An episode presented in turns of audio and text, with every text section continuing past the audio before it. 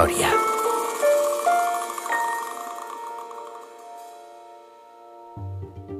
Sabíeu que els egipcis escrivien amb jeroglífics, oi? En comptes de fer servir lletres i paraules, usaven dibuixets com ara voltors, eines, lleons, vaixells, flors, ulls, mans, peus, etc. Durant molts segles ningú no va saber què significaven aquells símbols, fins que fa uns 200 anys es va descobrir la pedra roseta. En aquella llosa negra de poc més d'un metre d'alçària hi ha una mateixa inscripció feta amb tres escriptures diferents, en jeroglífic, en demòtic i en grec antic. Com que el grec és un idioma que es coneixia perfectament, un francès anomenat Champollion va comparar els textos fins que va aconseguir, a la fi, desxifrar els jeroglífics. Però no és de Champollion de qui us volem parlar, sinó d'un altre descobriment que va fer aquell jove egiptòleg al temple funerari de Deir al-Bahari a la riba del riu Nil. Llegint els jeroglífics de les parets d'aquest temple, construït fa 3.500 anys, va veure que es parlava d'un faraó una mica estrany, fins aleshores desconegut. Tot i que apareixia representat amb la típica barba postissa dels faraons, els verbs i els adjectius per referir-s'hi sempre eren en femení. Com podia ser? Doncs ben senzill. Tot i que durant més de mil anys Egipte sempre havia estat governat per homes, una dona va voler aconseguir-ho tot i amb una gran ambició va assolir una proesa increïble, ser faraona. Aquella dona va fer història. El seu nom, Hatshepsut.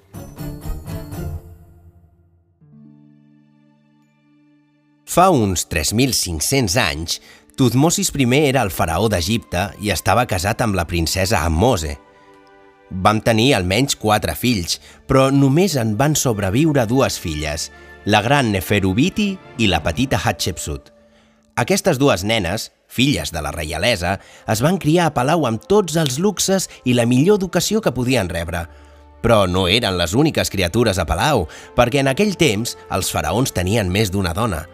A part de tenir una esposa principal, també tenien esposes secundàries i totes esperaven que, algun dia, un dels seus fills arribés a ser el nou faraó d'Egipte. Els faraons concentraven a les seves mans tots els poders. Dictaven les lleis, governaven el país, posseïen la major part de les terres i les riqueses, controlaven el comerç i manaven a l'exèrcit. El seu poder era tan gran que se'ls considerava un déu vivent. I els egipcis eren una societat molt religiosa.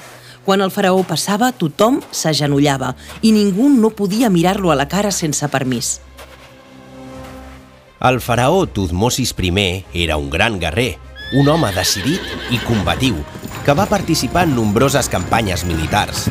Lluitava per protegir Egipte dels enemics i també per fer créixer el seu imperi, i ho va aconseguir cap al sud, fins a Núbia, i també cap al nord i l'est, penetrant a Síria fins al riu Eufrates. Passava molt temps fora de casa lluitant en grans batalles i dirigint exèrcits, i aquest caràcter valent i decidit també el va heretar en bona part la seva filla petita, Hatshepsut. Desgraciadament, la filla gran de Tutmosis I, Neferubiti, va morir jove. Per tant, la joveneta Hatshepsut era l'única filla que podia succeir el faraó quan morís. Això mateix és el que Tutmosis va comunicar a Ineni, el poderós primer oficial del regne i també arquitecte reial. Ineni, has de saber que avui he nomenat a Hatshepsut hereva legítima del tron. Majestat, això no pot ser pas. Per què? Eh, Perquè de faraó només ho pot fer un home. Com a màxim, la vostra filla tindrà el gran honor de ser l'esposa del faraó, la dona del gran rei. Ineni, qui és el faraó? Vos, majestat. Qui mana a Egipte? Vos, majestat. Doncs no m'ho facis repetir. Hatshepsut és l'hereva del regne. És el meu desig. A l'antic Egipte el poder era força masclista i la successió al tron només pertocava als fills mascles. Mireu si n'eren de masclistes que ni tan sols hi havia cap paraula per a designar la regna o la faraona. El que realment deien els jeroglífics era directament esposa del gran rei. Ja sabeu que ser faraó a Egipte era importantíssim. Volia dir gaudir d'un poder absolut i ser l'amo i senyor de les terres i de les persones, i aquell era un privilegi reservat als homes. I més d'hora del que s'esperava, el faraó Tutmosis I va morir, després de 13 anys de regnat. Tocava escollir nou faraó, cosa que es decidia a Palau a porta tancada. Ineni coneixia el desig de Tutmosis I i no era una idea gens descabellada. Hatshepsut pertanyia a la reialesa i era indubtablement brillant. Tot i ser molt jove, si hagués estat un noi, hauria succeït al seu pare sense cap tipus de problema. Però no ho era, i això Ineni no ho podia suportar. Una dona no pot ser faraó, i mentre depengui de mi no ho serà. I Neni va incomplir els desitjos de Tutmosis I. Va convèncer els sacerdots de Palau que la línia de successió no era clara que si el faraó no havia tingut un fill mascle amb la seva primera esposa, la tradició dictava que aleshores el fill d'una esposa menor podia convertir-se en faraó d'Egipte. I és el que va passar. Hatshepsut, ha arribat el moment de nomenar el nou faraó. I seré jo, oi? El meu pare em va dir que jo seria el nou gran faraó. Com dius? No, no, no, no, no, no. El devies entendre malament. El teu pare va dir que series la gran esposa del faraó. N'estàs segur, neni? Esclar, les dones no podeu ser faraó. Això faria enfadar els déus. El teu pare em va demanar que et casessis amb el teu germanastre. Amb quin d'ells? Amb aquell que va tenir amb la seva esposa secundària. Aquell a qui el teu pare li va posar el seu mateix nom, Tutmosis. I per què m'hi he de casar, jo? Perquè ell només és membre de la realesa a mitges, ja que és fill d'una esposa menor. Per això et necessita a tu per poder regnar.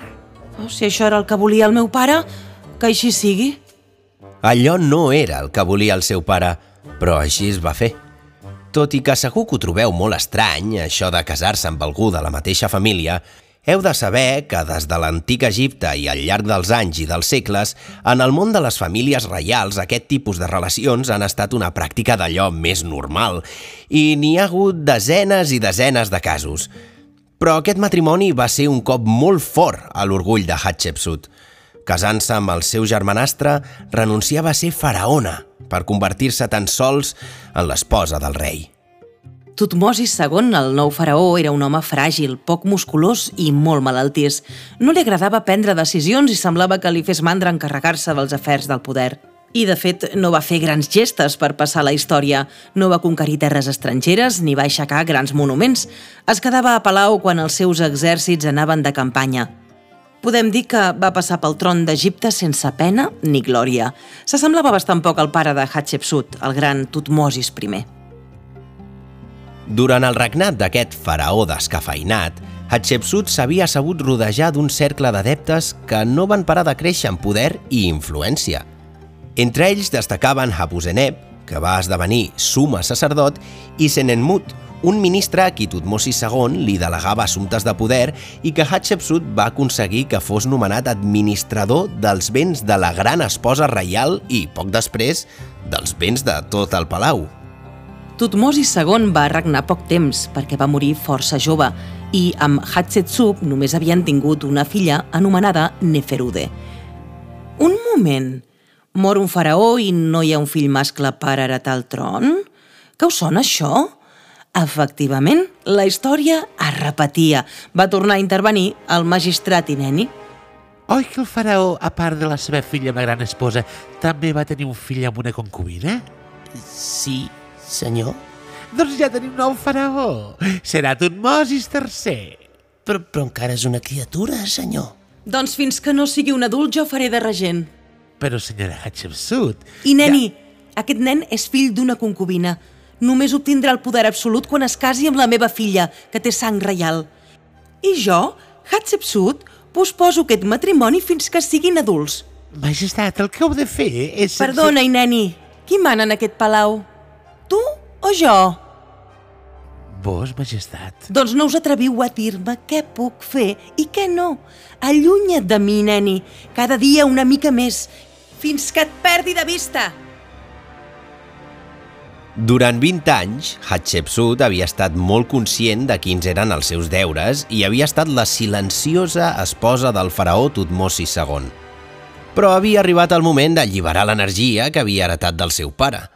Es va desfer del magistrat Ineni, a qui considerava persona tòxica, i va elevar els seus estimats Habuzeneb i Senenmut als més alts càrrecs i va preparar un cop d'estat perfecte. Ella se sentia faraona, però oficialment no ho era. Havia de fer alguna cosa perquè el poble la reconegués com a tal. I sabeu quina una es van pescar? Va fer córrer la brama que ella era filla del déu Amon. Egipte era un país profundament religiós. Els egipcis creien que el poder del faraó i el benestar econòmic del país provenien d'aquest déu. Doncs, segons la llegenda esbombada per Hatshepsut, Amon havia assumit l'aparença del seu pare, Tutmosis I, per engendrar la dona que regnaria sobre Egipte i portaria períodes de pau i de bonança, és a dir, a ella. Ei, m'he assabentat que Hatshepsut és filla del déu Amon. Sí, jo també ho he sentit. Això vol dir que és molt poderosa. Moltíssim. La població d'Egipte va anar escampant aquesta llegenda i creient-se-la cada cop més. Va ser llavors quan Hatshepsut es va autoproclamar faraona amb el beneplàcit dels sacerdots que encapçalava, evidentment, el seu estimat Hapuzenep. El poble ho va acceptar, és clar. Per fi s'havia complert el desig del seu pare. Per fi Hatshepsut governava Egipte. I per demostrar el seu poder, va emprendre el programa de construcció més ambiciós que cap altre rei havia dut a terme fins aleshores va fer construir a Deira el Bahari el seu temple funerari, allà on podria ser adorada després de morta. Cap altra reina s'havia fet construir mai res igual. Tot Egipte va quedar ben sorprès. Era un temple gegant, excavat a la muntanya de pedra amb una línia clara, recta i definida que el feia destacar del fons escarpat. Probablement és el temple més bonic construït a l'antic Egipte. Durant els segles anteriors, els faraons havien estat ocupats amb guerres fent front als enemics. Aquesta va ser la primera construcció important aixecada des dels temps del desordre. Aquell temple era una meravellosa obra d'art i també una decidida declaració política. Aquest temple parla per si sol, majestat. Tens raó, Sant Enmut. A tu, que n'ets l'arquitecte, què et diu? A mi em diu, l'ordre diví serà restaurat. La reina d'Egipte és capaç de fer grans coses. Sí, a mi també m'ho diu. Estic molt contenta amb la teva feina, Sant Enmut, molt contenta. Per cert, majestat, he pensat que podríem posar un nom al temple. Cap idea? Sí? Geser Gesero, majestat. Gesser Gesero, sublim dels sublims. M'agrada, Sant Enmut, li fa justícia. Un cop més, els tallers reials van produir escultures oficials de la dirigent d'Egipte. Malgrat això, les escultures de Hatshepsut eren diferents de les dels seus predecessors masculins. La mostraven prima i amb les galtes carnoses, una dona jove, fresca i viva. Durant els mil anys següents, les seves imatges van ser un model a seguir. Hatshepsut va decidir que la millor manera de convèncer tothom del seu poder de faraona era masculinitzant la seva imatge i va començar a mostrar-se en públic amb roba d'home i lluint una barba postissa. Les escultures, relleus i pintures que la representaven a partir de llavors també van afegir aquests trets masculins i va acceptar tots els títols dels faraons homes menys el de brau poderós, que va canviar pel títol de la més vella de totes les dones. A part d'escultures seves, també va fer aixecar uns obeliscs que figuren entre les grans obres d'enginyeria del món antic. Els obeliscs són grans agulles de pedra d'una peça, amb una punxa piramidal que puja recta i desafiant cap al cel. Hatshepsut estava especialment orgullosa dels dos que va fer erigir el temple de Karnak, ben majestuosos. En només set mesos es van tallar a la roca, es van transportar 250 quilòmetres amb barcasses pel riu Nil i es van plantar ben drets, gràcies a l'abundant mà d'obra. Hatshepsut va tenir un regnat pacífic, tot i que militarment també es va implicar en la defensa de les fronteres d'Egipte amb els enemics. Fins i tot va participar ella mateixa de dos conflictes bèl·lics i en va dissenyar les estratègies militars, tal com havia fet al seu temps el seu pare Tutmosis I. Va construir edificis nous i restaurar temples danyats en guerres passades. Va embellir les ciutats d'Egipte. Es va guanyar el nom de la reina constructora. També va organitzar expedicions i noves rutes comercials al regne de Kush, a l'actual Sudan, i al país de Punt, a l'actual Somàlia, on va enviar cinc vaixells amb 210 soldats. Feia segles que cap faraó no anava a Punt i d'allà en va portar mirra i encens per a les cerimònies religioses i també ivori, fustes precioses i arbres d'aquella zona, amb les arrels conservades amb molta cura i embolcallades en tela per no malmetre-les i així poder-los trasplantar. Hatshepsut va ser la dona que més temps va estar al tron d'Egipte. Durant 22 anys va governar i cogovernar amb Tutmosis III, prenent ella les decisions, fins que li va agafar el relleu del govern d'Egipte en solitari. Però anys després de la seva mort es van començar a fer desaparèixer les seves imatges.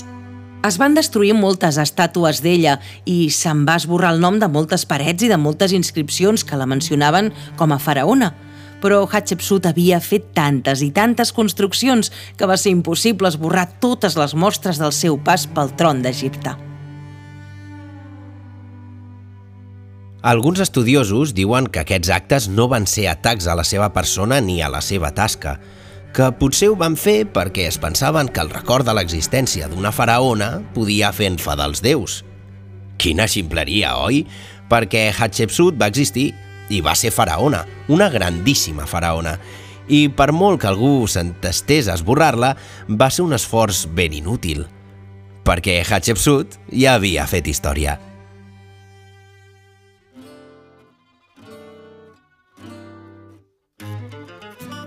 Si vols conèixer més sobre Hatshepsut, entra a petitsapiens.cat.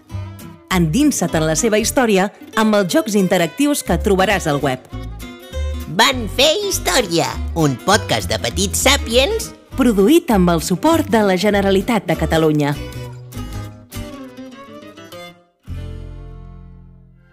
Aquest Nadal et convidem a emprendre un viatge fascinant, a navegar en el temps i descobrir un munt d'històries i museus increïbles. Els coneixes tots? Pots comprovar-ho amb la nova col·lecció de llibres Cerca i troba dels museus catalans. Participa en les activitats i tallers que han programat per aquestes vacances. Consulta la programació al web patrimoni.gencat.cat barra Nadal. No t'ho perdis. Aquest Nadal cerca i troba els museus de Catalunya.